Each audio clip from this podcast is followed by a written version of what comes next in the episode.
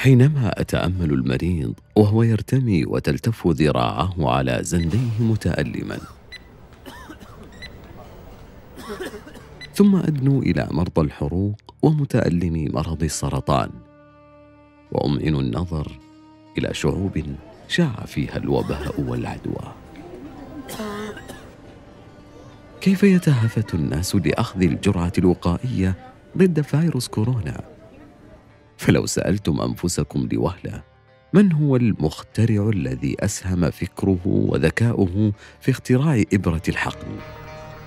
ها أنا ذا وكأنني أتيت إليكم من الروابي والسهول والوديان.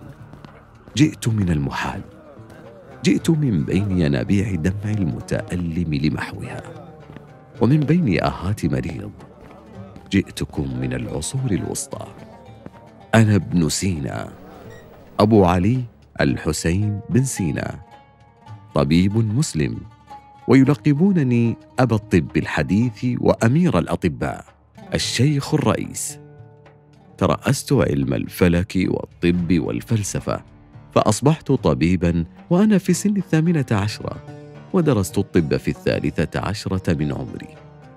اشتهرت في أوروبا بعد أن ترجمت أعمالي إلى الفارسية واللاتينية وغيرهما من اللغات.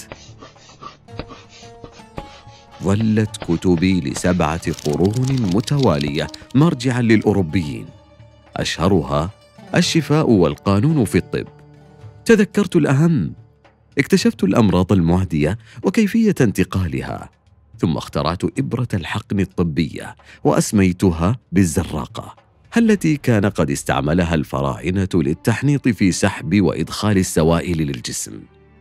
دائما ما أردد قائلا الوهم نصف الدهاء والاطمئنان نصف الدواء والصبر أول خطوات الشفاء. أنا العقل البشري قوة من قوى النفس لا يستهان بها.